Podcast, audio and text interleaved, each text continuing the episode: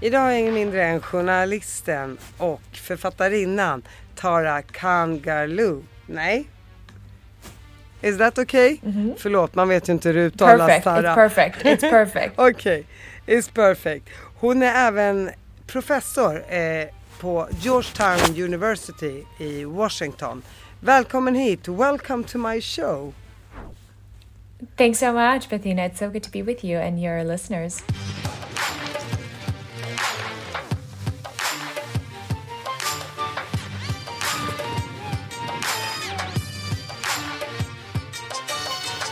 I can't say your last name. Can you please spell it for me? It it's okay. It's K A N G A R L O U, Kangarlou. I think the Brits, uh, uh, of all the foreigners, say it uh, the best, Kangarlou. Kangarlou. Uh, but it's been something that all of my colleagues uh, throughout the years on television, radio, you know, they all uh, had problems with. So no problem. hey, it's Danny Pellegrino from Everything Iconic. Ready to upgrade your style game without blowing your budget? Check out Quince. They've got all the good stuff shirts and polos, activewear, and fine leather goods, all at 50 to 80% less than other high end brands. And the best part? They're all about safe, ethical, and responsible manufacturing.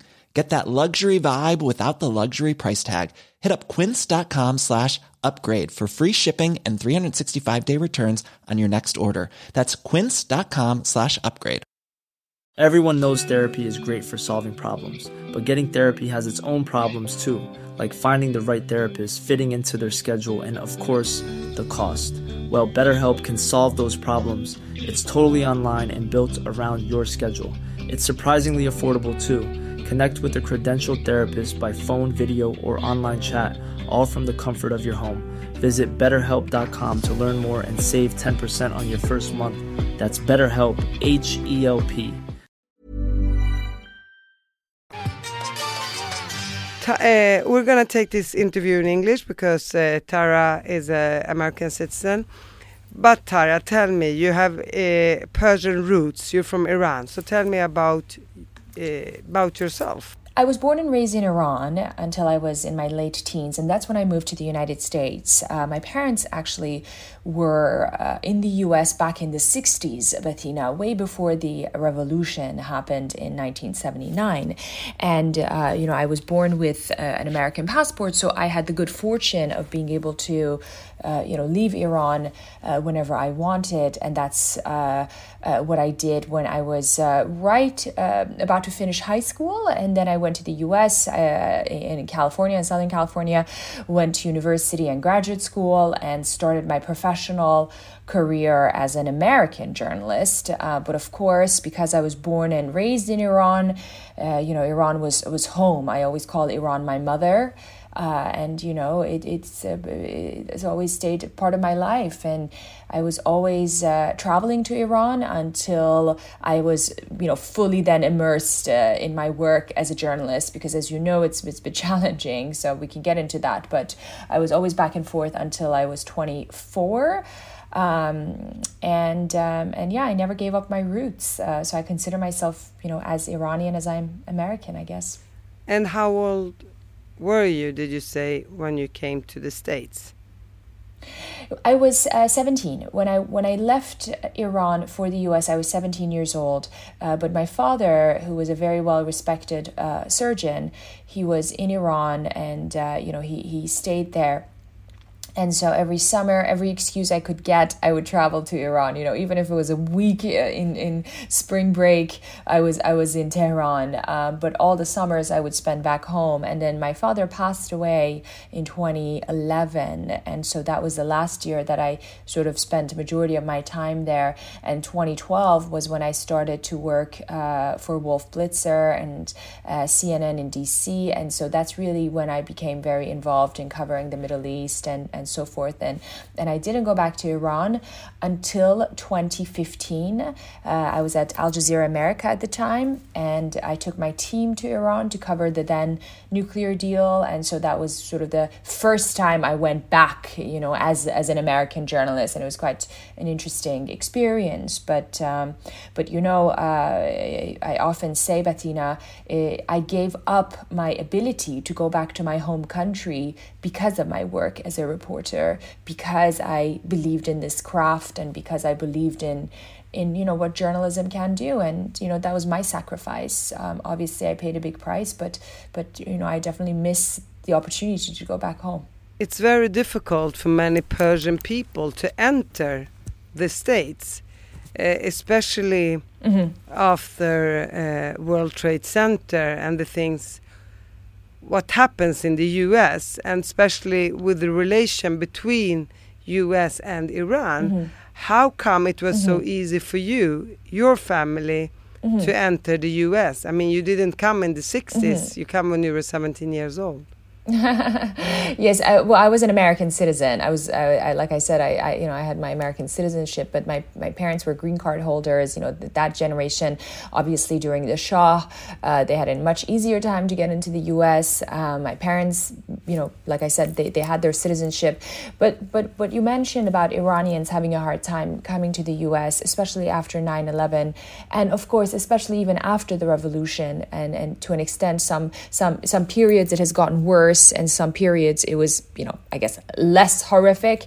uh, of an ordeal, but it would it was always a challenge, okay, for Iranian people inside Iran to get a visa, um, even if it's a tourist visa, uh, and that's a very big conversation. Uh, but of course, as as you know, uh, the the Trump uh, travel ban even you know in many cases worsened the situation. Uh, you know the the sort of blanket ban that he put over certain countries, including Iran. And so, uh, you know, uh, people of Iran, uh, unfortunately, have have always been uh, the victim of the policies of their own government, but also that of the United States. And uh, because of the feud between the two regimes and, and countries and governments, the people have always been in the middle. So that's that's quite unfortunate. Um, but but one other thing I want to add is that. Um, you know, because of this lack of diplomatic relations between Iran and uh, the United States, uh, people of Iran have not been able to uh, you know, tell their story. And unfortunately, the American uh, public doesn't really know much about Iran other than what they hear on the news or you know through a political lens. So all of this really contributes to all to, to the many hardships that Iranian um, uh, people face in this process of, I guess, traveling to the U.S. as, well as other, of course, issues. Uh, I mean, like you said, coming from Iran, uh, mm-hmm. and your father is working as a surgeon there and uh, coming to the states become an american journalist is like mm-hmm. doing something bad against your own home country it's like are you now working for the enemies i can imagine that that the iranian feels like that I mean, wasn't you worried about what they can do with your father in Iran, or you never thought about the consequences mm. about being a journalist with the enemy, the, that, the state a, of the U.S. That's a, that's a great question. Yes, exactly, and that's a great question. Uh, so, so my father, like I said, passed in 2011, right? And I was in graduate school in 2010 studying journalism, and I remember actually uh, I was working at NBC in Los Angeles, um, uh, starting 2010. I was still in graduate school, but that was my first job with NBC, and I was with them for two years, right? So when Dad passed in 2011, um, and I went to Iran that summer, I was so nervous. You know, I, I was so nervous about about, oh my God, you know, would they know that I work for NBC and stuff? But, you know, I was so junior and I, you know, I didn't have a profile whatsoever. And, and you know, that didn't become an issue, right? But then when I became a public uh, figure and I became, uh, you know, recognized and, and, and well known and established in, in the field, because by the way, Bettina, there's so few of us, you know, in the United States. There are very few Iranian journalists, you know. And also, by the way, I've always been proud of my heritage, okay? And, and we can definitely talk about that. So I didn't conceal my Iranian identity to become this American journalist. You know, I always was proud of where I came from and, you know, my, my identity. But anyway, so when I, you know, really became known, I think that was when I obviously realized that you know what um, it's not going to be safe for me to go back. But of course um, you know i sacrificed again my ability to go back to my home country. You know my dad is buried there. We we still have a home there. Um, it's a dream of mine to travel there with my husband. But but of course um, unfortunately the government of iran is not welcoming of foreign press. Um, uh, and and so it's not uh, it's not wise for me to go back. Uh, but again, in 2015, we went back with my team, and that was obviously through uh, all the right channels. But um, but yeah, you know, I I, ga- I, gave up that ability, and that's a sacrifice I made for this profession. Uh, but what I would say is that the Iranian people are always proud to see fellow Iranians in whatever field it is. Um, you know, that's a public field, whether it's in you know science and medicine and media. So I, I always get very positive feedback and and love and support from the Iranian people, both you know in U.S. Uh, the, the, the, you know outside of Iran and also inside. But of course, the the Iranian government. Um, doesn't have a good relationship with uh, with journalists. Do you think, especially you know from the U.S. Yeah, yeah, yeah. That's what I mean. Do, do you think it's worth it? I don't know. I that's such a such, that's such a uh, powerful question. You know what? I'm proud of everything I've done, okay, and I'm proud of the path I chose. But when I see the world around me, okay, whether it's a situation in Iran or Syria and you know Afghanistan, whatever country I covered, okay, it makes me sad because you know every single story I did, I thought, you know what something's going to change something's going to get better but but but but then you're left with with the reality that you know what um, uh, the world uh, has a strange way of of of you know uh, keeping keeping those who are not necessarily righteous in the power and and the people continue to suffer. So that that hurts me you know especially in the case of iran. In fact it's funny because i'm working on a piece uh, called uh, it's titled you know the trauma of covering iran as an iranian american journalist. Um, but but but was it worth it? Yes. Am i proud of it? Yes. Did i make a difference? Um, i hope so. Do you know what i mean? I hope so. Uh, because otherwise i would be cynical and jaded and and i don't want to be that person Tara, I mean, you've been working uh, as a journalist on the ground. I mean, you've been working yeah. in Syria, in Iraq. Uh, uh, you've been now for the last year working with the rights for the per Persian Iranian girls of Iran. Uh, mm -hmm. uh, mm -hmm. It, I, I, I don't know if I want to call it a revolution, but uh, there's something people are not satisfied with, especially the women of Iran, uh, the democracy. Mm-hmm. I don't know mm-hmm. if if it's democracy they are searching for, but uh, uh, they want their rights, and uh, I know that. Absolutely. I know you've been talking a lot of that uh, for the last year, and mm-hmm. now it's one mm-hmm. year of that. Uh, I will call mm-hmm. it revolution thing, and but before mm-hmm. that, you've been to Syria, you've been to Iraq you you you've seen the wars between um, the civil wars in in Syria. Uh, you you've been following the Arabic Spring. Mm -hmm. uh, can you tell mm -hmm. me because in Sweden we we we we only see one side of the story. The, the Western world and especially Sweden, we don't see our own involvement in these uh, wars. We just see refugees coming to this place, and we think we receive too many refugees. Mm -hmm. At the same time, we, we, we can't see how we can stop the war before it becomes a war. And unfortunately, yes. we are so much involved, the Western world uh, in general. And I think it's very, very hard and uh, difficult for a Swede to see uh, to see the situation from a helicopter uh, perspective. And can you please explain to me how it really is? Because you've been there on the ground in Yes. these war uh, wars. Yes, yes. So I, uh, just to give some some background for for the listeners, uh, you know, I've spent a lot of time in Lebanon and Jordan and southern Turkey, especially covering the war in Syria and Iraq and the rise and fall of ISIS, and you know, even the terrorism uh, in in in Europe and the terrorist attacks and so on. So I I know the issue front and back, and also the influx of refugees, you know, from the Middle East to Europe.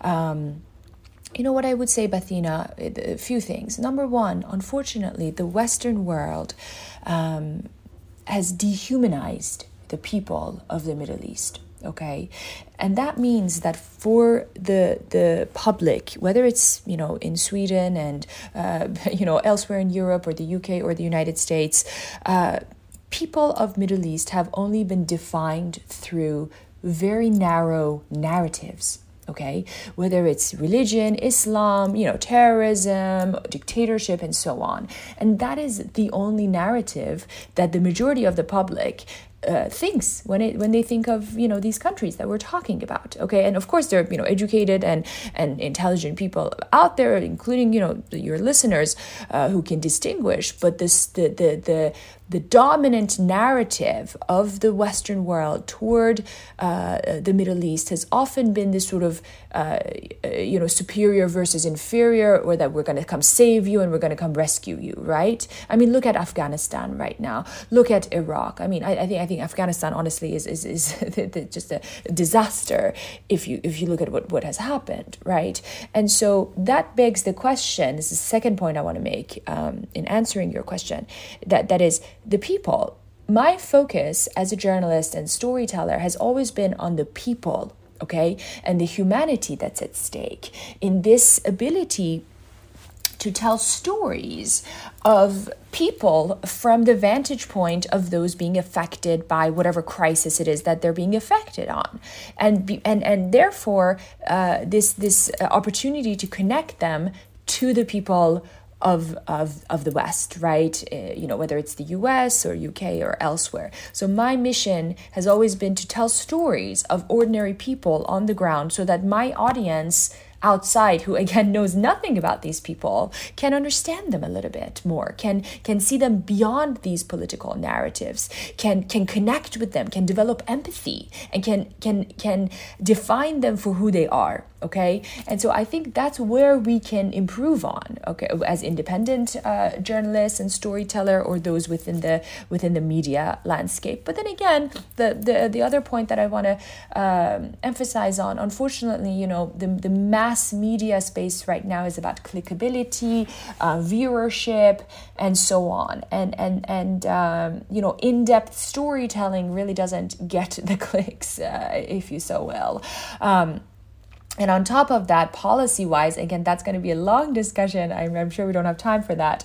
But again, uh, you and I both know, Bettina, that countries don't have uh, friends. Okay, countries have interests. And so I think people, um, again, whether in Sweden or UK or US, I think they should realize that, um, you know, there's a huge difference between the policies that their government is making toward whatever country then you know the reality on the ground and i encourage them to educate themselves and one of the best ways to educate one is to know about the people okay? The people on the ground and their stories talking to locals. And if you, you know don't have a local uh, you, you can't go you know to syria or iraq or lebanon you know if, if in your community don't be afraid of immigrants. Don't be afraid of people who don't necessarily think like you. Educate yourself to talk to them, learn from them, and, and see if you can, uh, you know, listen to one another. I think that's so important, and that's when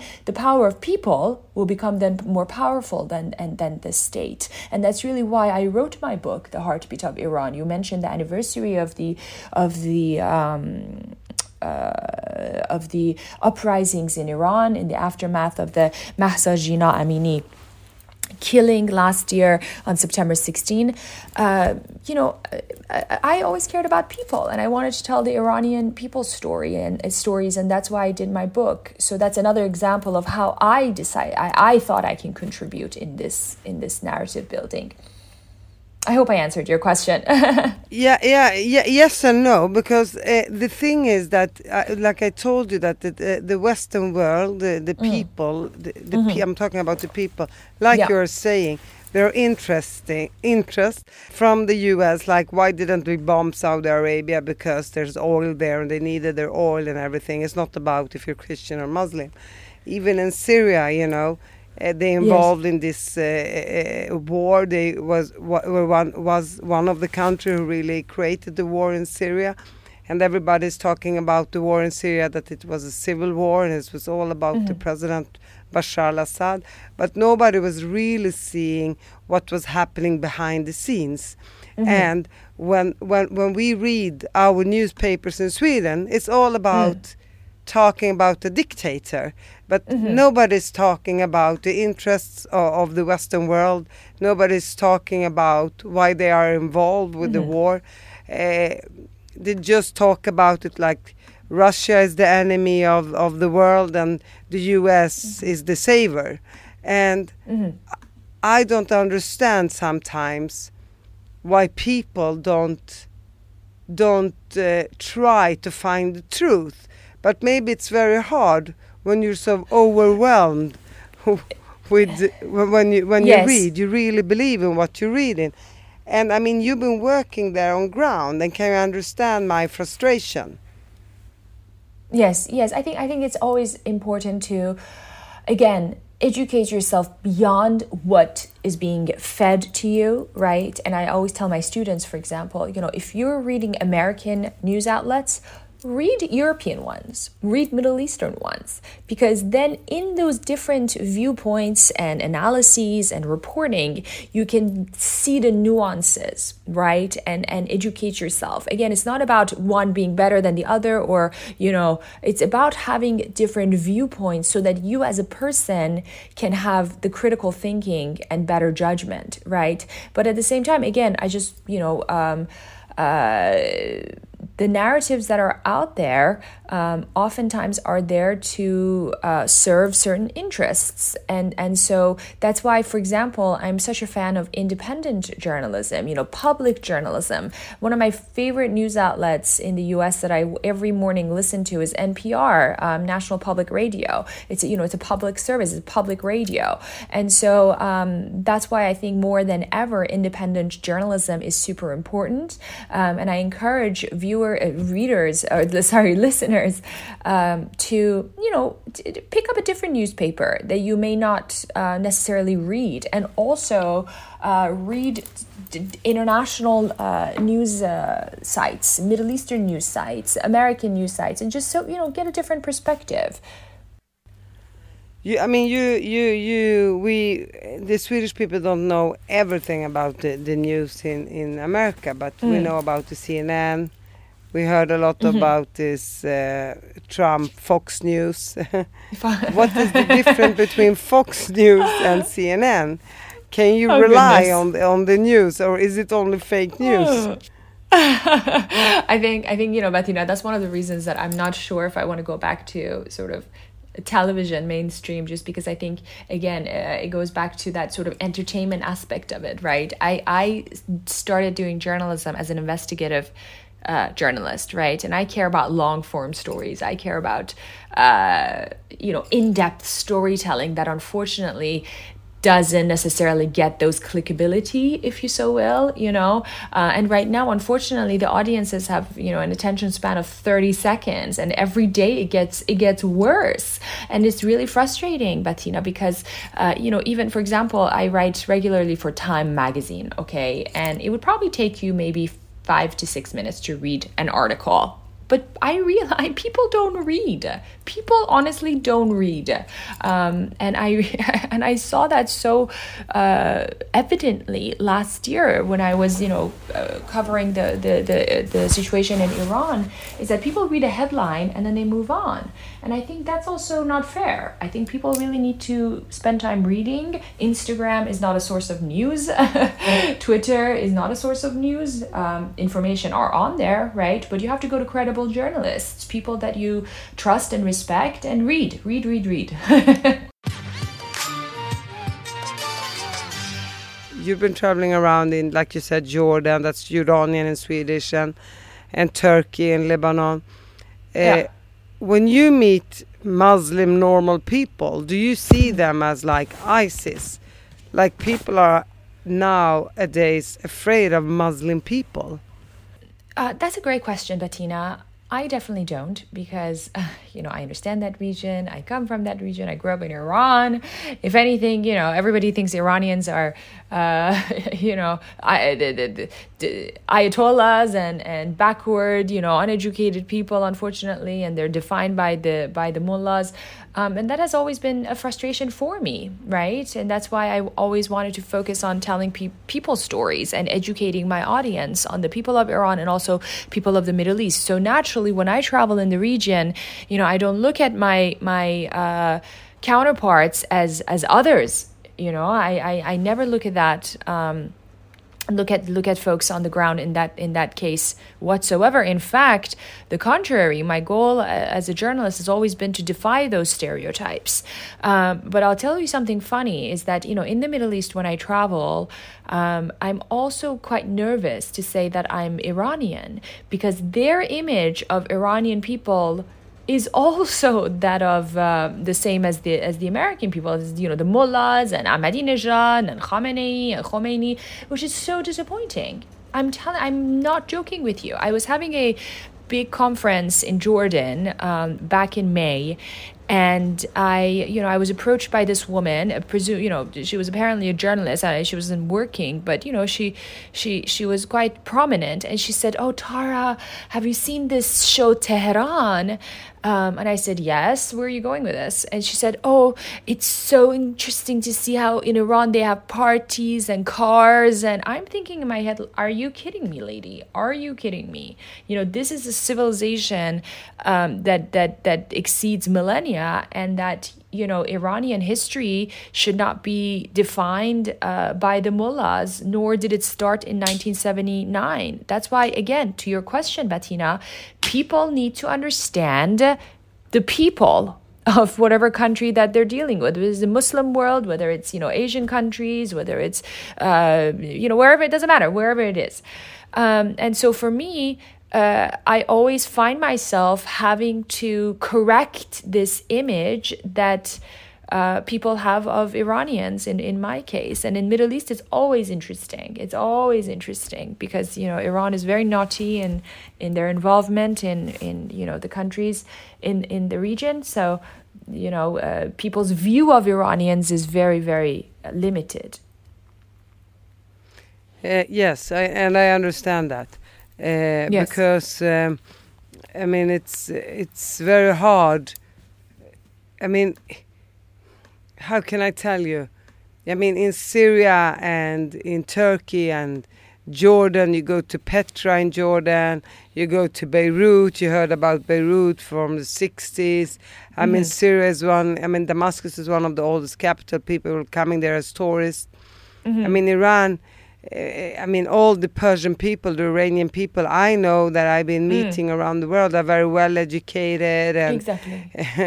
and and, uh, and they're very smart people and very very open minded and absolutely uh, like wherever you travel in the world, you see that Persian people are really into integrated into the new country they, they mm -hmm. travel to. So yes. um, whatever, they are very integrated, and uh, but but Iran as a country, nobody went to Iran. Mm -hmm. If if you talk to ordinary people. Yes. Oh, I've never been to Iran, but people have been to Turkey. People have traveled yes. to Jordan and to Lebanon. Yes. And uh, so that's why I think that people don't know so much about Iran. Yes, yes, and also I think the media, yes, yes, but also I think the media, Bettina, did did a poor job. Okay, because if you look at all the films and literature that's out there on Iran, it's all about you know terrorism and the mullahs yeah. and spy movies and you know women being uh, I don't know stoned or uh, so on. And and my mm. my view here it is very important is that humanizing the people of a country, okay, doesn't necessarily mean you're normalizing the challenges.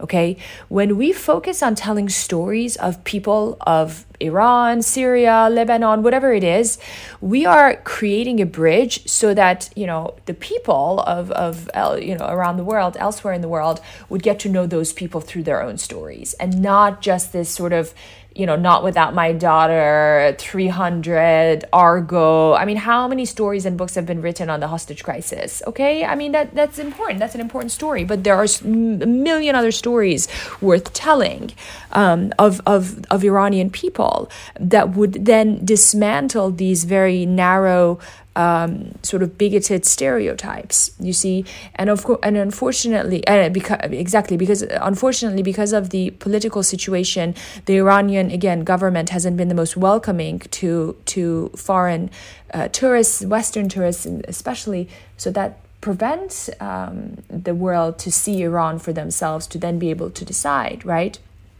And in lieu of that, I think the more uh, stories and the more uh, literature and films and, and books has to be uh, out there on uh, real stories, you know, of Iran and Iranian people and, and you know, the humanity. That's what I want to focus on. Uh, this is really the, the humanity.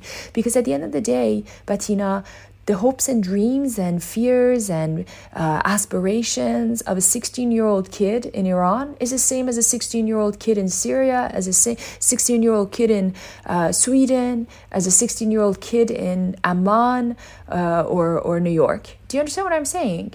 Uh, kids and, and, the young generation, they have the same dreams, they have the same wishes, they have the same hopes. So if we amplify that, trust me, we're gonna have a way better, more peaceful world than than uh, creating these fears. I think I think fear has has taken the place of empathy, and and um, again, that's uh, that's something I see in the case of Iran and the, and the entirety of Middle East, uh, both as someone who's from that region, but also as a journalist.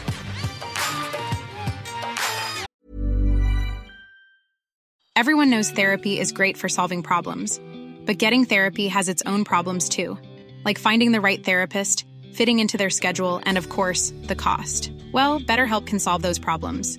It's totally online and built around your schedule. It's surprisingly affordable too. Connect with a credentialed therapist by phone, video, or online chat, all from the comfort of your home. Visit betterhelp.com to learn more and save 10% on your first month. That's BetterHelp H E L P. I'm Sandra, and I'm just the professional your small business was looking for. But you didn't hire me because you didn't use LinkedIn jobs. LinkedIn has professionals you can't find anywhere else, including those who aren't actively looking for a new job but might be open to the perfect role, like me. In a given month, over 70% of LinkedIn users don't visit other leading job sites. So if you're not looking on LinkedIn, you'll miss out on great candidates like Sandra. Start hiring professionals like a professional. Post your free job on linkedin.com/people today.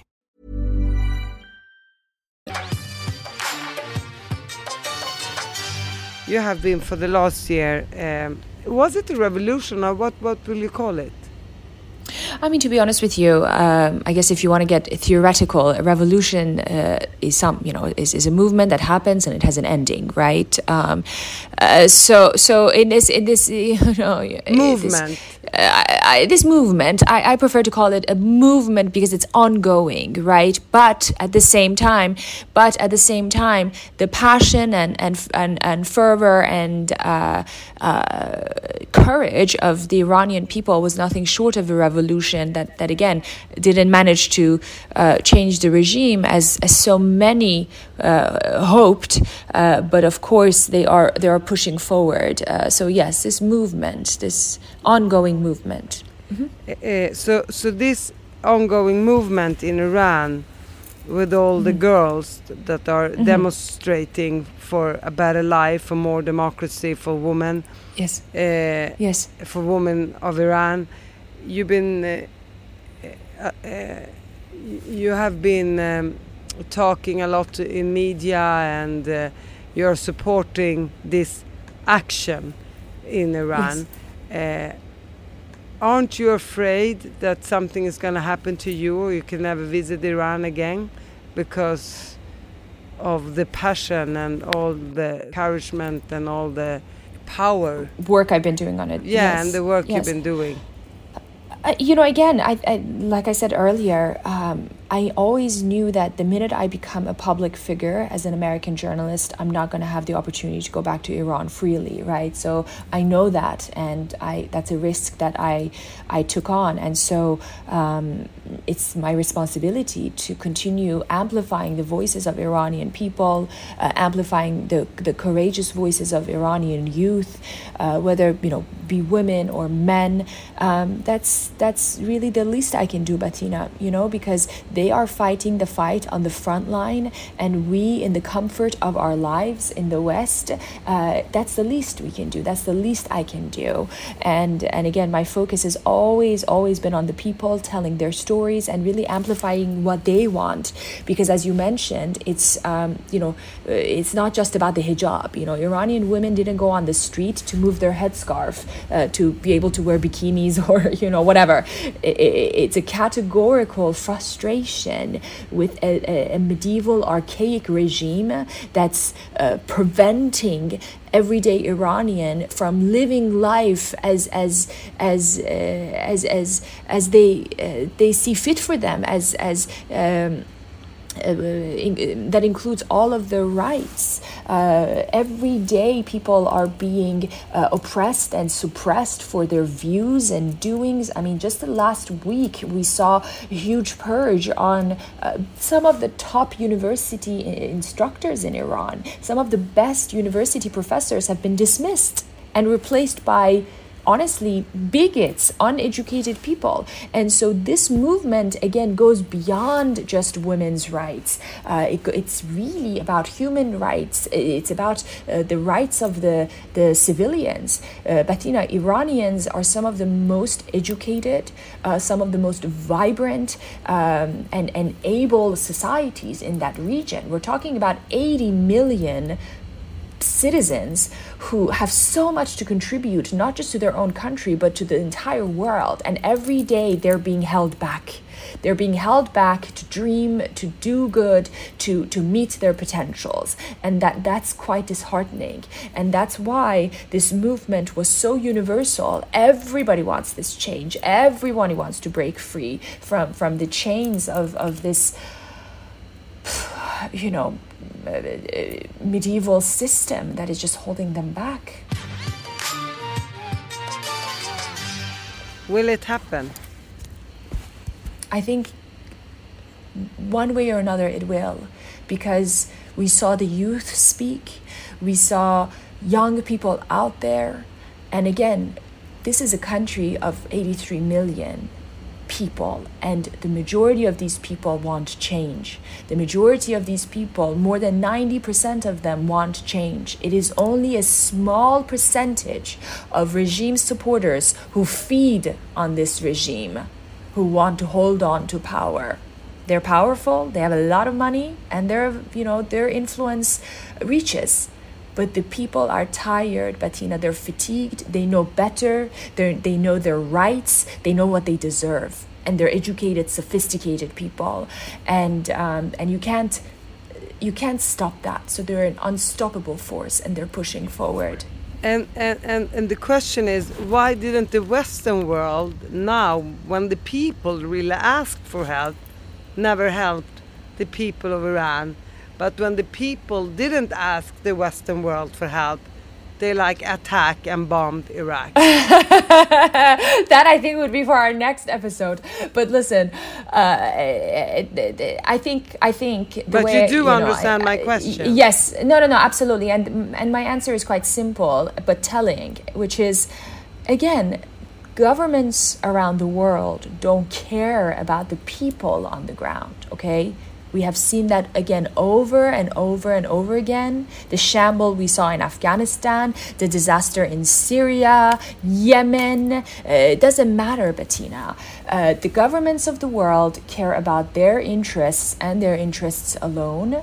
And, and I think we as the people uh, should be wiser and by focusing on on understanding and connecting with one another however way that is we can uh, move beyond the political game.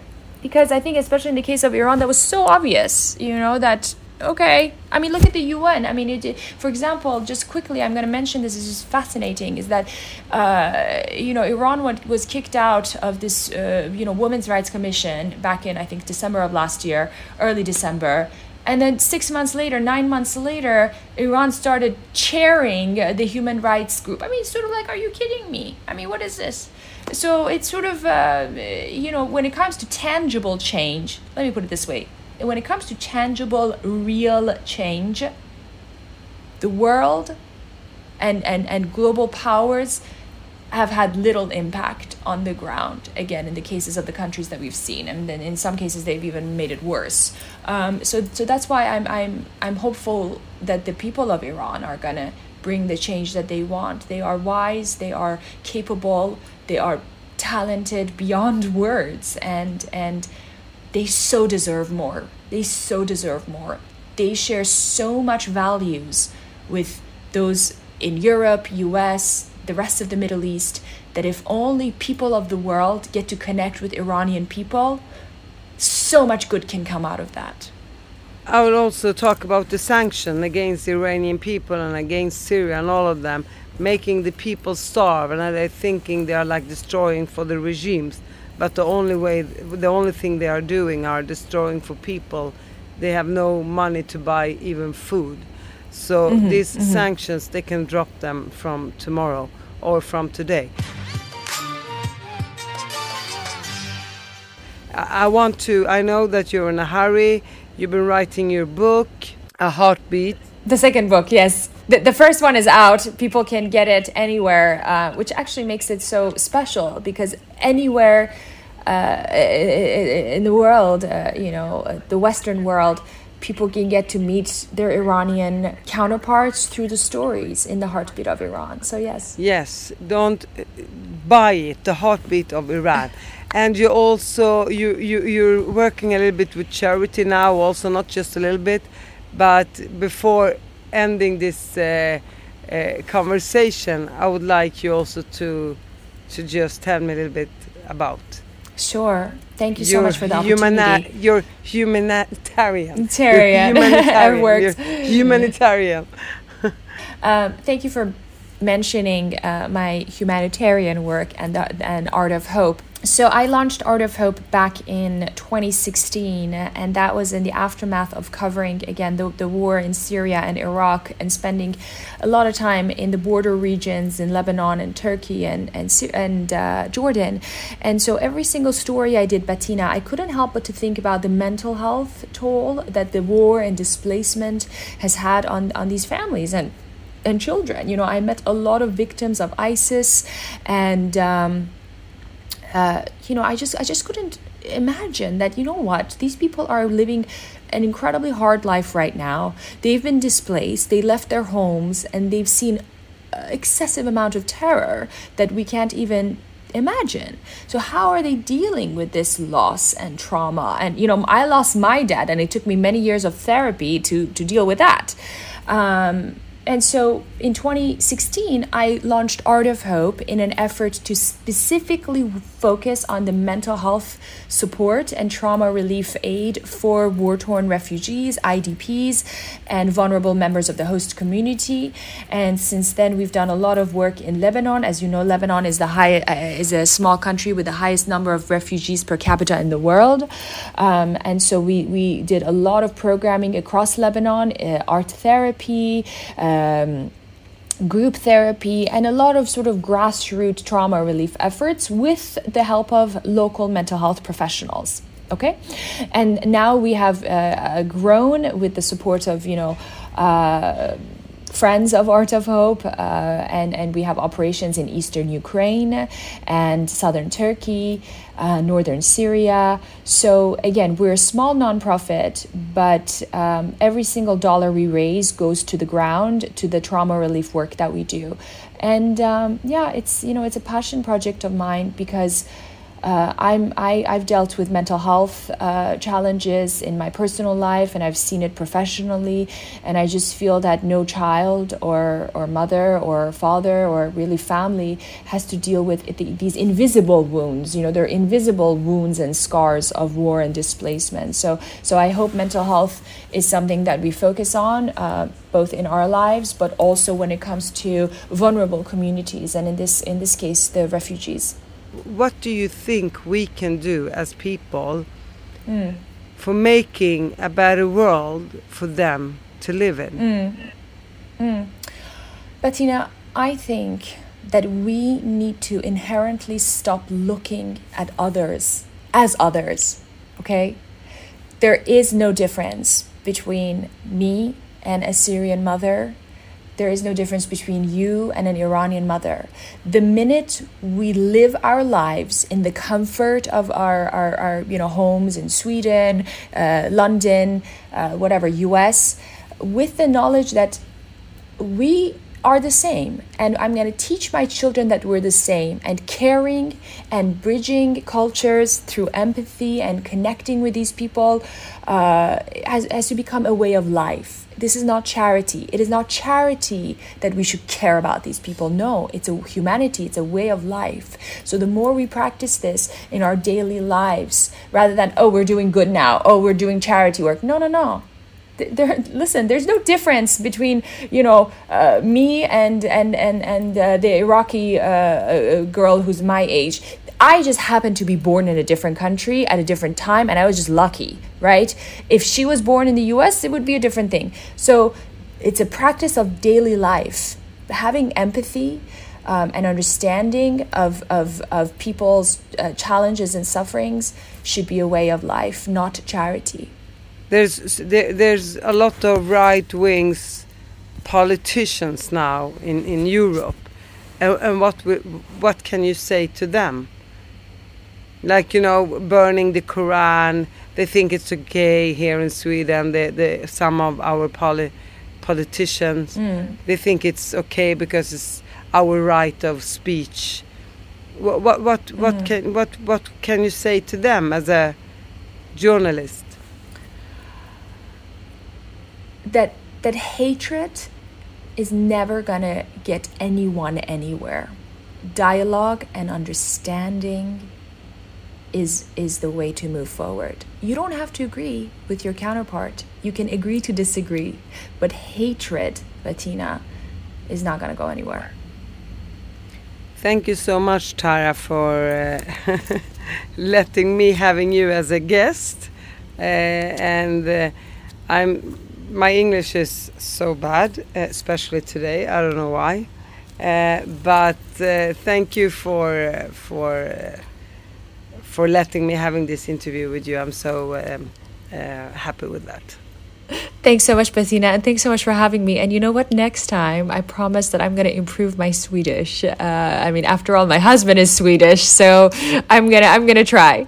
But it's okay when you talk English in Sweden. You don't have to learn Swedish. thank you so oh, much. Um, thank you. I, I'm, I'm really pleased to, to have had this opportunity. Thank you so much.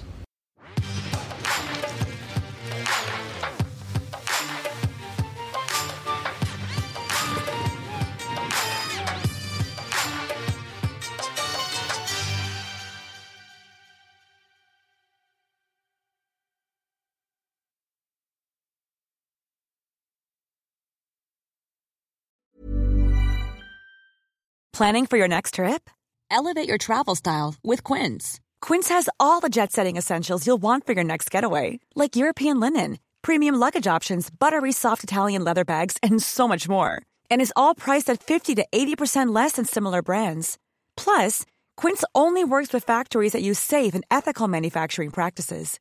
Pack your bags with high-quality essentials you'll be wearing for vacations to come with Quince. Go to quince.com slash pack for free shipping and 365-day returns. Mom deserves the best, and there's no better place to shop for Mother's Day than Whole Foods Market. They're your destination for unbeatable savings, from premium gifts to show-stopping flowers and irresistible desserts. Start by saving 33% with Prime on all body care and candles. Then get a 15-stem bunch of tulips for just $9.99 each with Prime. Round out Mom's menu with festive rosé, irresistible berry chantilly cake, and more special treats. Come celebrate Mother's Day at Whole Foods Market.